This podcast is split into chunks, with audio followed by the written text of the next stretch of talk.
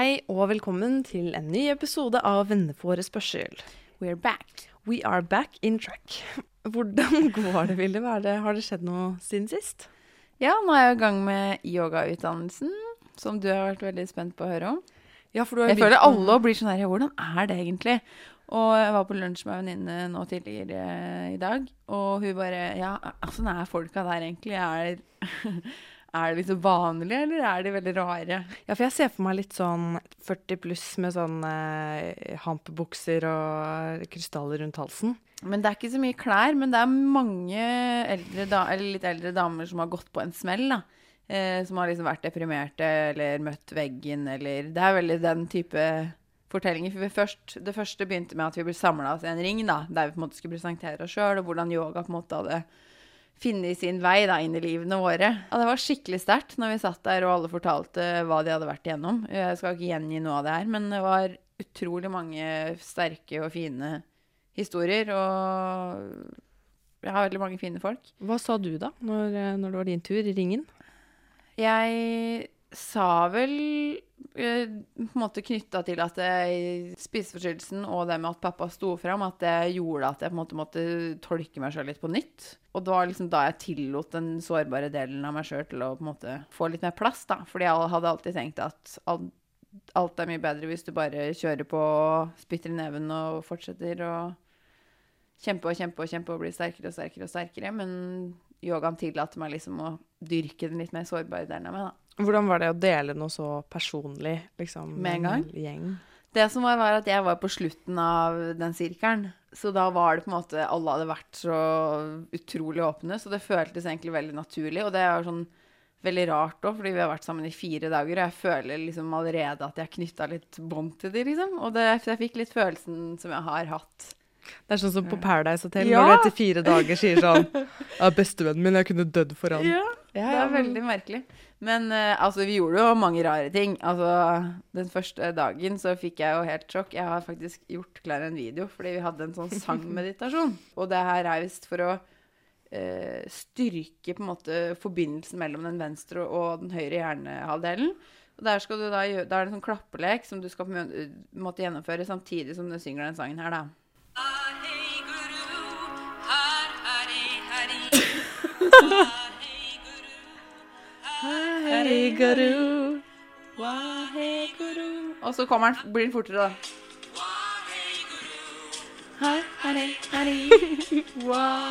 Guru. Og så er det klapper du ikke sant? Er ikke det dansa til på byen? Hei, Guru. se, hvis du ser hvordan de sitter, da. Du kan prøve å beskrive det du ser. Er dette dere? Nei, nei. Å, Det ja, her er en en dette ser ut som en sekt, ja. Vi er en sekt, da. Ja. Men vi satt i hvert fall i en sånn ring og klappa Ja. på hverandre. Dette er en gjeng morsomme folk som sitter på en pute, og så slår de liksom på låra sine. Ja, på, og, så du, du begynner liksom til venstre, her, og så i midten, høyre. Og så er det ja, litt klapping og øh, diverse. Og så krysser du av den låta? Ja. Ha, He-he, Garo. Men okay. det var veldig gøy, da, for jeg tok jo med meg den her hjem, så jeg og Nakter satt jo og sang den i sofaen. Så hva med deg? Ja, ja, jeg har jo vært eh, i Vang i Valdres, et sted du som hører på sikkert aldri har vært før. Eh, 1602 innbyggere, eh, veldig lite. Det er egentlig bare fjell, et kommunehus, den lokale Coop-en og en skole, liksom. Og hvis du skal handle noe annet enn melk, så må du kjøre 50 minutter til Fagernes. Herregud. Og der bor det rett og slett eh, to gutter fra Afghanistan som er 17 år gamle, i en bolig for eh, enslige mindreårige asylsøkere, eller flyktninger, da. For disse har fått opphold i Norge permanent, men de bor der til de er eh, ferdig med videregående, for å få en slags eh, omsorgsperson og folk som passer på dem, hjelper dem å gjøre lekser, er med de på aktiviteter, sånne ting.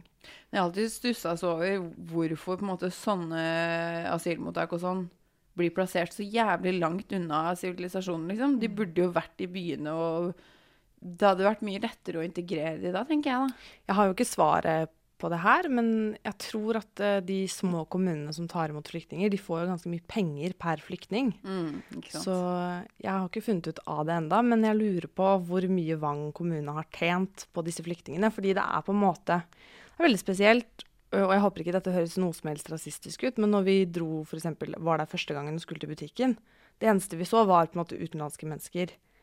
Kanskje mm. litt sånn ikke helt kledd for vinteren. Ja. Og ikke, det er ikke noe galt med det, eller noe sånn, men det er bare interessant, da. Eh, Mm. og, og skolen er jo litt nesten 50-50, liksom, av norske og utenlandske barn. ja. Så det er jo også veldig fint. Grønland? da. Det er litt Grønland, liksom, med Ja. en del fjell. Eh, også i, en, i Valdres, da, som har liksom så sterk norsk kulturarv. er veldig Ja. sånn- Så det, det er fint og spennende, og det var utrolig eh, utfordrende og fint å bo sammen med de gutta. Det lukter jo frityrolje i det huset, for de friterer så mye mat. Så det er for å beskrive dette. Og så roter de mye, da. Og de skal jo egentlig bli lært opp til å rydde etter seg selv. Så det kjøkkenet klarte vi nesten ikke å lage mat på, for jo, de tok jo nesten aldri oppvasken. Og det lå jo mye sokker i sofaen og ja. Men der er det mange norske gutter på den alderen som har mye å lære òg, tenker jeg. Ja, ikke sant? og det er jo akkurat det som er så interessant, da, at de skal jo For egentlig så er det fem gutter, men de andre har flytta til hybler, så de er nærmere skolen, så kommer de bare hjem i helgene. Men vi bodde bare sammen med disse to da, som bodde der mandag til fredag. Det er bare noe de har valgt, liksom. Ja. Og så kommer det ulike personer som jobber der i løpet av uka. og- Ja, jeg gleder meg til å se resultatet av dokumentaren deres. Ja, det blir veldig spennende. Mm. Uh, men det var jo veldig mye gøy som skjedde. Blant annet så er jo jeg veldig distré, uh, og i Vang så låser de ingenting. Så de går fra hus og bil eh, uten å låse. Så Ja, har vi sånn. vært på Coop-en og handla. Da går jo jeg inn i feil bil, for at det, jeg tror det er bilen, så jeg bare åpner, det er åpent, ikke sant. Så sitter det en liten sort hund og ser på meg, og jeg er sånn, feil bil. Eh, så det var jo en historie. Eh, og så hadde vi liksom en fyr der som eh, heter Erik, som er, eh, jobber i kommuna. Og alle kjenner jo alle, og han er liksom litt sånn eh, boss i kommuna, da alle vet hvem han er og sånt. Og så spurte vi om det var mulig å gå og svømme, for det er en svømmehall på skolen som er oppe to ganger i uka. Og da sa han bare gå dit, kommuna betaler. Og det koster jo bare 50 kroner per person, men vi var sånn OK, bare si fra til de liksom kommuna betaler. ok? Så går vi inn der. Når vi kommer inn i svømmehallen, så sitter det en sånn litt sånn bossy mann eh, i badebukse og skriver ned alle navnene, og så får de liksom faktura i posten da, på 50 kroner for å ha vært og bada der. Og så går vi bort til han, så er vi sånn Hei, du Erik sa han hadde snakka med dere for at vi bare skulle komme hit for at eh, kommunen skulle betale. Han bare Ja vel. så det endte opp at vi måtte liksom stå der og prøve å liksom forklare dette. Så det virket som om vi løy på oss, sånn at vi skulle slippe å betale 50 kroner. Så det endte opp med at han skrev ned navn og adresse, da. Men vi bor jo ikke i Vang, så de kommer jo ikke til å klare å sende ut den fakturaen. For det er jo flere som heter Selma Moren i Norge, sikkert. Men så det ikke var jo det var mulig i 2019, eller at det var Ja. Ja, men det er litt sånn skru tilbake i tid, da. De sitter og skriver opp navn og låser ikke biler, og det er liksom litt annerledes der. ja. Mm.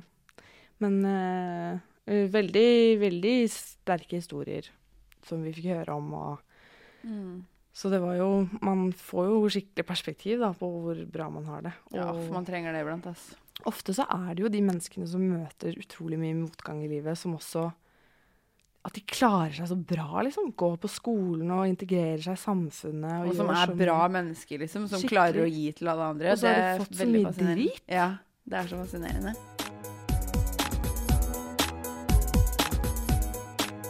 Ok, Vi var på byen Yes. eh, fordi vi var begge invitert til samme bursdag, hvor de hadde leid et utested.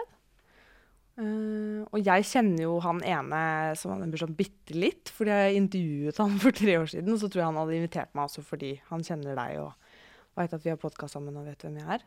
Så da dro vi på det sammen. Og du ble gjenkjent. Til det kjedsommelige. Nei da, men altså, altså Det var jo fire personer den kvelden som kom bort og sa de hadde hørt på podkasten. Og dette er jo fordi at eh, de kjenner jo deg, så det er liksom sånn at folk fra Gjøvik liksom har hørt på. Men det var veldig gøy. Ja, Og han ene var sånn herre Det er så kult det dere gjør, og liksom jeg Seriøst, hvem var det? Det var Simen. Ja, det var Simen. Ja, så, så, ja, ja. Men seriøst, hvem var det? Og hun andre som hadde bursdagen, hadde også hørt på. ja, stemmer. Liksom, ja, det er du som er Selma, og, liksom, og jeg følte meg jo helt kjendis. Helt til jeg så at eh, Robin fra Paradise Hotel sprang rundt med en hvit champagneflaske i sånn hvit jeansjakke på VIP-en. Jeg må faktisk spørre om ja, for, om han var liksom Var det tenkt at han skulle dit? Nei, nei, jeg tror de åpna jo utestedet for alle. Ja, det må ha gjort det. Og så hadde de en VIP-avdeling som ikke jeg skjønte at var VIP. Jeg trodde det var en del av bursdagen, for de hadde masse gratis øl og sånn der inne. Ja. Så gikk vi liksom opp der, så var det sånn Har du bånd? Dette er VIP. og så står liksom hun ene Sofie fra Paradise Hotel i fjor. Nei, Ex on the Beach i år. Ja. Det var i hvert fall tre Paradise Hotel og Ex on the Beach-deltakere. Og vi står jo i kø på do, og da står hun ene fra Ex on the Beach. Jeg vet ikke om dere husker hun blonde som holdt på med Daniel, som kom inn litt sent i sesongen. Her faller jeg ut. Ja. Bare så det er sagt. Nei, hun er liksom litt sånn Ja, hun sto sammen med en annen venninne, og begge hadde sånn veldig kort kjole og veldig silikonpupper. Og det er ikke noe galt i det, altså, men av en eller annen grunn så føler jeg at jeg har så lyst til at sånne folk skal like meg. Nei. Og så er jeg full, da. Så da skal jeg liksom prate med alle. Og så står de to og diskuterer et eller annet, for det er en eller annen som har sendt deg en melding som ikke var greit, eller de står liksom, det er noe drama, da. Og så presterer jeg å si sånn Syns dere jeg skal håret opp eller ned? så ser hun ene på meg bare Det kan du velge helt selv. Og så bare så går hun tilbake til venninnen sin. Jeg tro hun hadde mye meninger om det. Og da skammet jeg meg altså sånn, for at jeg liksom Ja, du har vært på venninna til en som har vært på TV, da bryr du deg om hvordan håret mitt ser ut. Takk for meg. Ja, men det var jo ganske gøy, men vi bestemte oss for et eller annet punkt å bare dra hjem. Ja, greia var jo at vi kom jo veldig tidlig, og dansinga ble på en måte iverksatt rimelig kjapt etter vi kom. Så vi hadde jo dansa i tre timer og var sånn OK, nå Jeg begynner jo å bli litt sliten. Og du var litt trøtt. Ja, det var veldig gøy, for det var sånn full rape og sånn, så skulle jeg bare gjespa, gjespa, sånn gjespa. OK, bra. Og da var jeg sånn Jeg tar meg en vodka Red Bull, jeg. Eh, og så dro jeg hjem, spiste pasta, og så kastet jeg opp all pastaen. Nei, gjorde du? Ja. Men det var fordi jeg hadde drukket eh, vodka Red Bull, shot, Ja, et glass vin, en øl. Det var ingenting av enheten jeg drakk. Prosecco, som var det samme, da. Nei. Og da kastet jeg alltid opp. Ja. Og så var jeg så veldig sulten, så jeg spiste den pastaen litt sånn aggressivt. Og da kom det opp igjen. Så da følte jeg meg litt sånn Men da var jeg ikke dårlig dagen etterpå, da, så det var helt nydelig. Det er deilig. Men det var i hvert fall veldig gøy å feste med deg. da. Det er første gangen vi Ja, det var veldig gøy. Det var det. Du var veldig stabil. Du var ikke sånn eh, Jeg, jeg var litt Men jeg var spent ikke sånn spesielt full. Nei, ok. Eh, Jeg skulle egentlig ønske at jeg kunne se hvordan du var når du ble full. Men jeg Ja. Jeg var jo brisen, liksom, men jeg er ikke noe sånn Jeg hadde Ja, jeg, det er ikke en av mine mest intense kvelder, nei. Det er det ikke. Men det jeg kjente på når vi var der sammen, var sånn at vi var skikkelig sånn en enhet. Det var sånn Vilde og Selma, teamet Vilde og Selma, podkasten Vilde og Selma. Det var en veldig sånn kjekk følelse. følelse. Og det var sånn derre Vi er ikke så mye fra hverandre, men sammen er vi liksom dynamittkvinner. Oh, yeah. Ikke at ikke du er noe uten meg, da, men du skjønner hva jeg mener. At det bare føltes så bra. Jeg følte meg litt som tussuk og Tønne liksom der inne. Så nå har vi da planer om å fylle um, Latter. Ja, ja. Det var tulla om at vi skulle ha podshow. Da hadde vi sikkert fått eh, fem stykker fra Gjøvik, men det hadde vært koselig det òg, da. OK. Jeg vet ikke hvor i detalj vi skal snakke om det her, for det her har jo blitt liksom snakka mye, så hvis du ikke har hørt om den debatten før nå, så får du google det. Sorry. Ja. Men uh, det har jo blitt en influenserdebatt på nytt om uh, hvorvidt man kan dele av kompleksene sine uten å smitte andre med det. En ting er jo å si jeg føler at jeg har så små pupper, jeg skal operere dem, og her skal jeg operere dem, og det kan du òg. En annen ting er jo å fortelle Jeg føler at jeg har så stygt smil, jeg klarer ikke å smile til andre fordi jeg hater tennene mine. Mm. Uten at man sier at man skal fikse det, da. Hva tenker du om det? Forskjellen på de to?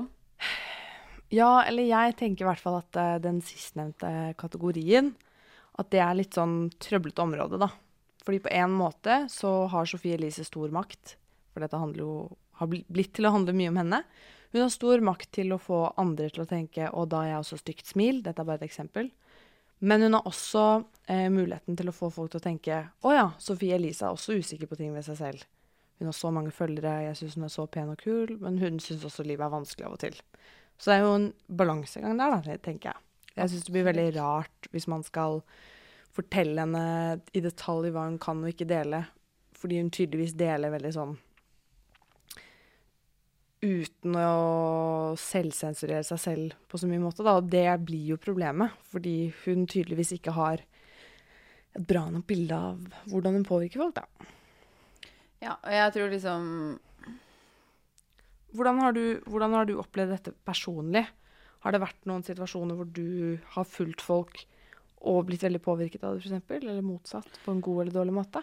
Jeg var jo veldig på Når jeg hadde spiseforstyrrelser, så følte jeg masse sånne fitnessblogger. Eh, som la ut bilder av oppskåret frukt og grønnsaker og ja, ulike matvarer som de måtte spise. Og da sa jo mamma og pappa eh, slutt å følge med på de bloggene. Spis det vi spiser. Men jeg klarte jo ikke å gjøre det. Men tror du at du ble syk fordi du så oppskåret frukt og grønnsaker, eller var det det at når du var syk, så var du ekstra opptatt av det? Det var jo på en måte en løsning på et problem, da. Og jeg hadde det ikke bra. Og min, jeg trodde løsningen min var å bli tynnere og bli mer trent. Uh, og på en måte, det var jo alle de bloggene som fikk meg i den retningen. Men det kunne like så godt La oss si jeg hadde falt utafor og hadde begynt med rus isteden. Det kunne vært et annet scenario. Eh, men det hadde jo ikke, kanskje ikke vært så sannsynlig, da, med, med tanke på hvilke miljøer jeg vanka i. Men eh, jeg tror på en måte at det kan være en utløsende greie. Men jeg tror ikke du bare av å lese en blogg kan utvikle en spiseforstyrrelse eller en kropps... eh, ja, en misfornøyd med kroppen din, da. Nei. Men jeg har jo selv kjent på den at noen prater om et kompleks, og så blir man sånn Å ja. For jeg hadde f.eks. aldri tenkt på hvordan underlivet mitt så ut i forhold til andres, egentlig. Kanskje bare sånn så vidt. eh, Før eh, Innafor hadde den eh, dokumentarepisoden om, eh, om Ja. folk som gjorde inngrep i underlivet. Og da var det jo første jeg tenkte var Å ja, har jeg feil underliv? Ja, og jeg, da husker jeg lå i senga og bare så, så tissen min i speilet, liksom. Og så Er det her riktig, eller er det feil, liksom? Mm. Men, så ble, men samtidig, da, jeg, jo- da var jeg 21, tror jeg, når det gikk. Og da er det sånn Sånn som nå, da, så er det sånn Skal jeg li bruke livet mitt på på en måte gidde å følge med på sånne ting? Og gidde å Altså, jeg leser jo ingen blogger. Av Fordi at jeg veit at det er bare så jævlig lite interessant. Og det er så sjukt mye annet jeg har lyst til å bruke tida mi på. Jeg har ikke tid til det. Jeg har ikke tid til altså, Det er sånn jeg fascineres av Sofie Elise. Åssen, med alle de tingene hun gjør, åssen har hun tid til å være så jævlig opptatt av sånne småting? Mm. Det er hårfeste og Det er bare sånn Jeg tenker at det som er litt synd, da, er på en måte Sofie Elise er problemet, men hun er også smittet av et problem. Absolutt. For det er veldig tydelig at hun ikke har det så godt med seg selv hvis hun er så opptatt av hvordan hun ser ut. Samtidig syns jeg det er synd på en måte at man ikke kunne timet denne debatten til når det gjaldt enda mer, hvis man skal trekke fram henne. Bare fordi hun har gjort så mye bra i forhold til akkurat det. Nå da, Hun har jo faktisk tatt ut silikonen sin. Hun har stått på forsiden av Natt og Dag uten silikon og usminka, uretusjert med cellulitter. Hun har gjort en del sånne ting som er bra, og da føler jeg at for henne så blir jo det en beskjed om at det kommer aldri til å bli bra nok. Du kommer ikke til å gjøre bra nok ting. Folk kommer ikke til å bry seg om at du er vegetarianer. Fordi de kommer til å finne feil. Ja. Samtidig, hun fortjener all kritikken hun har fått, absolutt. Og det er ikke sånn at jeg ser på en måte alle de andre tingene. Hun gjør kjempemye bra, og kritikken retter seg jo ikke mot de delene av hun heller. Altså, det retter seg mot den, det ene fakta at liksom Hun Jeg har syns ikke Kristin Gjelsvik er så mye bedre, ass. Hvis vi først skal begynne å gå på person, så er det veldig bra at hun eh, oppta er så opptatt av liksom, viktige samfunnsdebattantiske ting. Det var en veldig bra setning. Men hallo, hun ble jo kjent fra et program som veldig mange unge mennesker blir negativt påvirket av, akkurat Paradise Hotel. Som er liksom hele kulturen til Sofie Elise. Absolutt. Det er jeg helt enig i. Og det er ikke det at man ikke kan angre på sånne ting, men publikummet sitt har hun jo først og fremst fra det.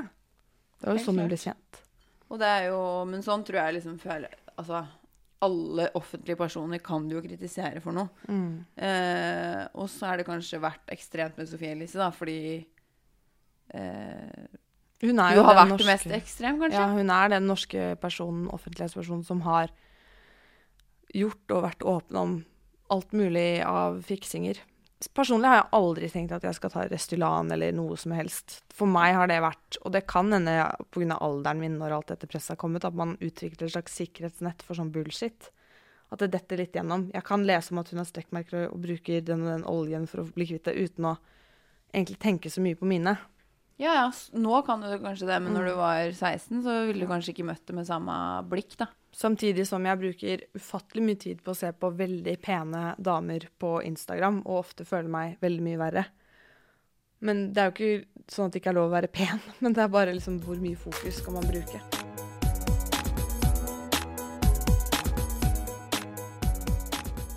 Det er jo også en eller annen måte at man burde lære hva man eksponerer seg selv for, da. For det som kommer opp i den uh, search-feeden, er jo også det jeg velger å klikke meg inn på. Ja. Jeg er jo Altså Jeg vil faktisk si at jeg er godt forbilde på det der på Instagram. For jeg føler bare folk som inspirerer meg, og som fokuserer på det som er på innsida, da. Jeg er kanskje litt sånn for sånn amerikansk krellebok-type folk. Jeg elsker sånne quotes. Og liksom eh, folk som eh, jobber med seg sjøl, og som skriver takknemlighetsdagbok, og som gjør alle de tingene der. Og jeg tror det er liksom Jeg tror den debatten her handler om at vi kan ikke kvitte oss med alle de påvirkerne, men vi kan begynne å jobbe med oss sjøl, da. Fordi det gjør at vi står mye sterkere i møte med alle påvirkninger. For vi Nå holdt jeg jo på å si 'start with the man in the mirror', men Ja. så kom jeg på uh, overgrepsanklagen hans. Nei, men det er så jævlig Jeg tror det er bare så viktig at liksom, hvis du veit hvem du er, så skal det så mye mer til for at du blir påvirka, da. Og det tror jeg liksom Ikke bare på in eller sosiale medier, men overalt, liksom. Unnskyld, nå driver jeg heiser meg opp og ned på den stolen her. Ja. Det er så slitsomt å snakke om dette på generelt grunnlag også. Så jeg forstår at man må begynne debatten et eller annet sted og peke på Sofie Elise eller peke på noen andre. Det er veldig konkret. Ja, Men eh, bare sånn rent personlig, uten så mye argumentasjon, så har jeg ikke så veldig sansen for Kristin Gjelsvik, for jeg liker ikke at hun står og kjefter. Nei. Eh, jeg tror det er mye bedre å være litt lugn, sånn som Linnea Myhre, hvis dere har sett debatten. At man liksom At man holder seg litt rolig, da. Men samtidig, da, ville den debatten blitt til hvis hun ikke hadde skriket? Nei, men jeg tror den hadde blitt til selv om hun ikke hadde kalt den for falsk og manipulativ. For det alle skriver på bloggen hennes nå, er sånn Du er det falskeste mennesket i verden. Du er så manipulativ. Så nå vil jo all argumentasjon til Sofie Elise forsvinne under at folk kaller henne for falsk. Hvis noen har sagt at du er falsk, og at du lyver til folk, så vil jo all forsvaret være bare sånn Det er bare en markedsstrategi, eller det er bare en måte å Jeg lurer på om hun kommer til å slutte å blogge, eller altså hvordan Hva gjør hun nå, liksom? Det jo, tenk så kjipt det er for henne, da, som på en måte for veldig mange har fronta seg som et forbilde for dem. Og så blir hun på en måte, får hun så mange nominasjoner for å være det verste forbildet. Men det jeg syns er veldig sånn uh, interessant, det er jo at i eh, debatten så argumenterer du jo for at uh, hun er ikke den samme som merkevaren Sofie Elise. Det sier hun jo når Fredrik Solvang direkte spør uh, kommer du til å slutte med kosmetiske inngrep. Men i den podkastepisoden så sier jo hun mener faren sin Da sier hun at man ikke kan skille hun fra merkevaren, og det er derfor Kristin Gjelsvik ikke kan anklage hun på en måte. Så det er jo sånn Det er det skillet Altså det, det som blir så problematisk med hun i den debatten, er at skillet mellom hvem hun er som privatperson og merkevare, er så sjukt Altså det er ikke Det er et veldig vanskelig skille. Ja, det er det, fordi at eh, hun eh, deler av livet sitt, og det er det som er underholdningsverdien hennes, å fortelle det som faktisk skjer. Samtidig som hun skal, og det hun gjør, det hun får betalt for, er å reklamere for ting. Sånn at de tingene hun fronter, og de tingene hun faktisk mener, blir sånn blanda. Er en levende reklameplakat. Ja, så det blir veldig vanskelig å skulle vite hva man kritiserer. mm. Og da tenker jeg bare at man skal være litt forsiktig med å bruke ord som falsk og manipulativ. At man heller kan si at hun er dobbeltmoralsk, syns jeg er et godt argument, egentlig. For hun legger ofte ut Altså det at hun sier 'vær fornøyd med strekkmerkene dine', og så sier 'sånn fikser jeg de'. Det er dobbeltmoralsk, på en måte. Ja, det er jeg helt enig i. Og så syns jeg òg Jeg er litt uenig i Kristin Gjelsvik når hun sier at hu- Sofie Elise, når hun opererte rumpa si, så hadde hun tydeligvis spurt om hun skulle fortelle det til følgerne sine eller ikke. Og da mener Kristin Gjelsvik at det skal hun ikke gjøre. Men jeg føler det blir feil òg.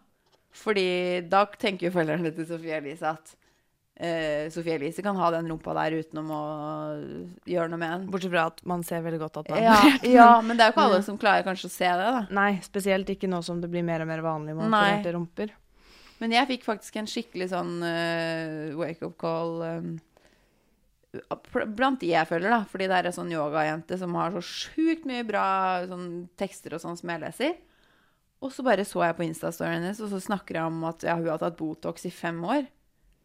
Og det var liksom sånn for meg Oi! Så jeg følger faktisk Og hun har jo ikke snakka noe om det her før. Og hun hadde, så på en måte ikke det som et problem i det hele tatt. Hun så på det som en eh, måte å sminke seg på, liksom. Eller sånn Alle gjør jo det. Altså, en tatovering er jo det samme.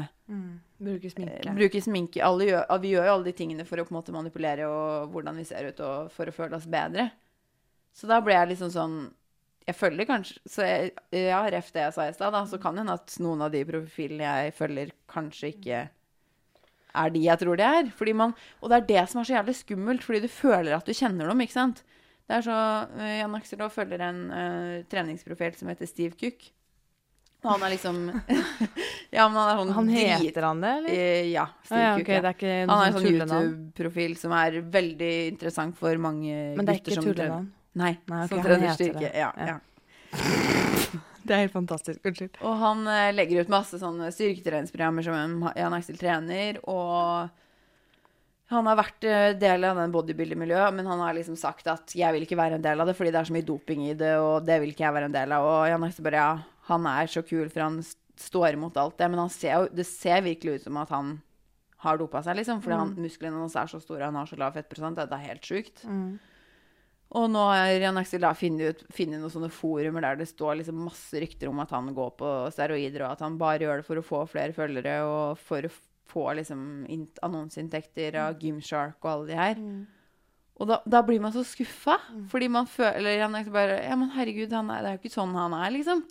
Jeg har også sett en video av en jente. Det var sånn sosialt eksperiment hvor de bare lagde en sosial profil. Hvor de lagde liksom det perfekte livet rundt henne. Hvor de staga masse bilder av at hun gjør masse forskjellige ting. Og så var alt bare sånn regi og kostyme og fotograf og sånn, da. Og det var også en jente på Instagram som eh, hadde en veldig sånn perfekt profil, og hun hadde jeg faktisk fulgt. Og hun sto fram med liksom På dette bildet her har jeg tatt 360 forsøk for at magen min skal se riktig ut, liksom.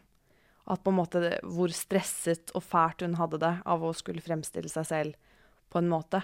Og måten vi fremstiller oss på nettet, er jo dritviktig. Ja, ja, herregud. Og at liksom folk føler at den de ser på sosiale medier, er den samme som de møter i virkeligheten. Og sånn er det jo for meg, og jeg prøver å balansere det at jeg på en måte legger ut en del fine bilder, da. Ved at jeg også legger ut ting jeg føler er genuint meg, så at man forstår at de, de veldig fine bildene er et fint bilde, men det er Ja, ikke sånn jeg alltid sant? ser ut. Nei, det, og det er, det er jeg veldig sånn opp, eller brenn, brenner for på sosiale medier. òg, For jeg tror det er mange som tenker sånn Jeg skal fremstilles på den måten på sosiale medier. Men jeg tror liksom det er viktig å bare omfavne alle delene av seg sjøl. Tørre å vise seg på de dårlige dagene og det man er stolt av, det man jobber for, når man bare har lyst på jævlig mange likes fordi man syns det er et fint bilde, liksom. Man får være bevisst, da, hvis vi skal komme med noen tips. Så kan man jo være bevisst på hvem man følger. Hvem er det du ser hver dag, hvis du er mye på Instagram? Og også hva, hvordan presenterer du deg selv? Og virker det som om du er sånn eller sånn på internett? Og hvordan kan du eventuelt balansere det, da? Og kanskje hvis du har en eller annen stemme på internett, bruk det til et eller annet viktigere enn eh, bio-oil for uh, strekkmerkene dine. Og du trenger ikke ha så jævlig mange følgere for å tørre å si det du mener òg. Jeg har 1000 følgere, liksom. Men jeg, men jeg legger ut alt det jeg har lyst til å inspirere andre med. Sjøl om jeg ikke når så mange, så har jeg lyst til å på en måte være en positiv stemme. da. Det er veldig kult, da. Da bruker jo du den, de tusen følgerne til å faktisk legge ut en lang quote du syns er viktig, istedenfor å alltid legge ut bilde av deg selv i bikini, f.eks. Velge hva man fokuserer på. Ja.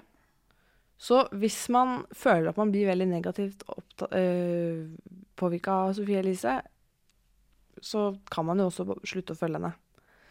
Ikke at det er løsningen på alles problem, men kanskje det kan være løsningen på ditt, hvis du er 22 år eller eldre og litt reflektert. da. Og Eller hvis du er i en sårbar situasjon, f.eks. Ja, hvis du er 15 år og sårbar, så Mm. ja. Eller en periode. Det burde det jo komme på pensum, det her. Vi, ja. Ja, ikke vi. Ikke vi. pensum i norsk, hør på podkasten. ja. Kom med manualen. Podkast 24 av en forespørsel. Nei, men eh, jeg tror vi skal oppsummere dagens eh, episode. Eh, yoga er for alle, men samtidig Går du på en smell, så kan du begynne på yoga.